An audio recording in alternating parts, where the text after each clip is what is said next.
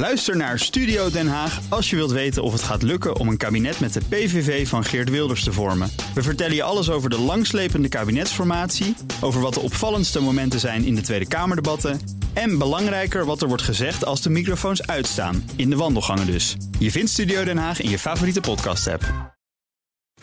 De column van Marianne Zwagerman. Het vermogen om met twee maten te meten en de wereld te bekijken door wat te krap afgestelde oogkleppen is geen onbekend fenomeen in de mediawereld. Als de ene nieuwsorganisatie of journalist onfrisse praktijken in moskeeën blootlegt, is het xenofobie. Komt een tv-programma of krant jaren later met dezelfde onthulling, dan is het een belangwekkend nieuwsfeit dat serieuze politieke aandacht behoeft. Het is een niet uit te roeien mechanisme dat de mediaconsument niet hoeft te raken. Simpelweg je blik wat verruimen en je bent wel goed geïnformeerd. De burger raakt het wel, want kwalijke zaken etteren zo veel langer door dan noodzakelijk.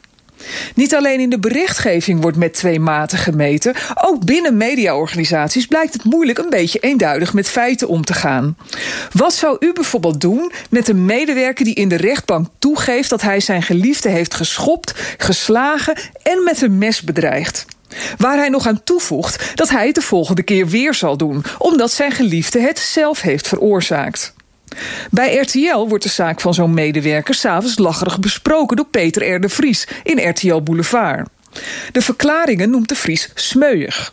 Smeuig. Iemand in elkaar schoppen en met een mes bedreigen is smeuig, volgens de misdaadverslaggever, als een RTL-collega de dader is.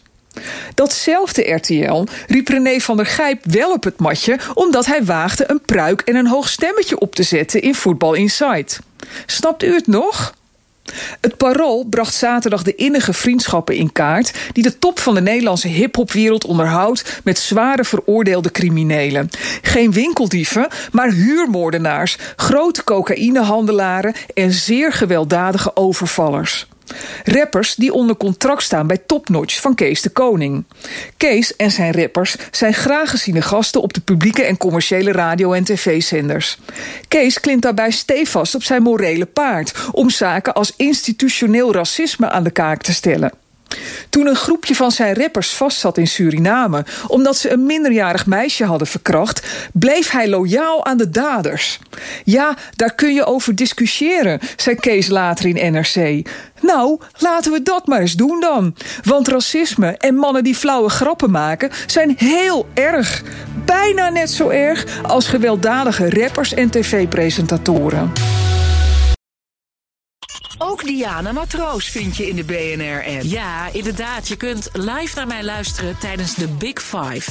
Ook handig in de BNR-app. Breaking nieuwsmeldingen, maar ook het allerlaatste zakelijke nieuws. En je vindt in de app alle BNR-podcasts, waaronder Wetenschap Vandaag. Download nu de gratis BNR-app en blijf scherp.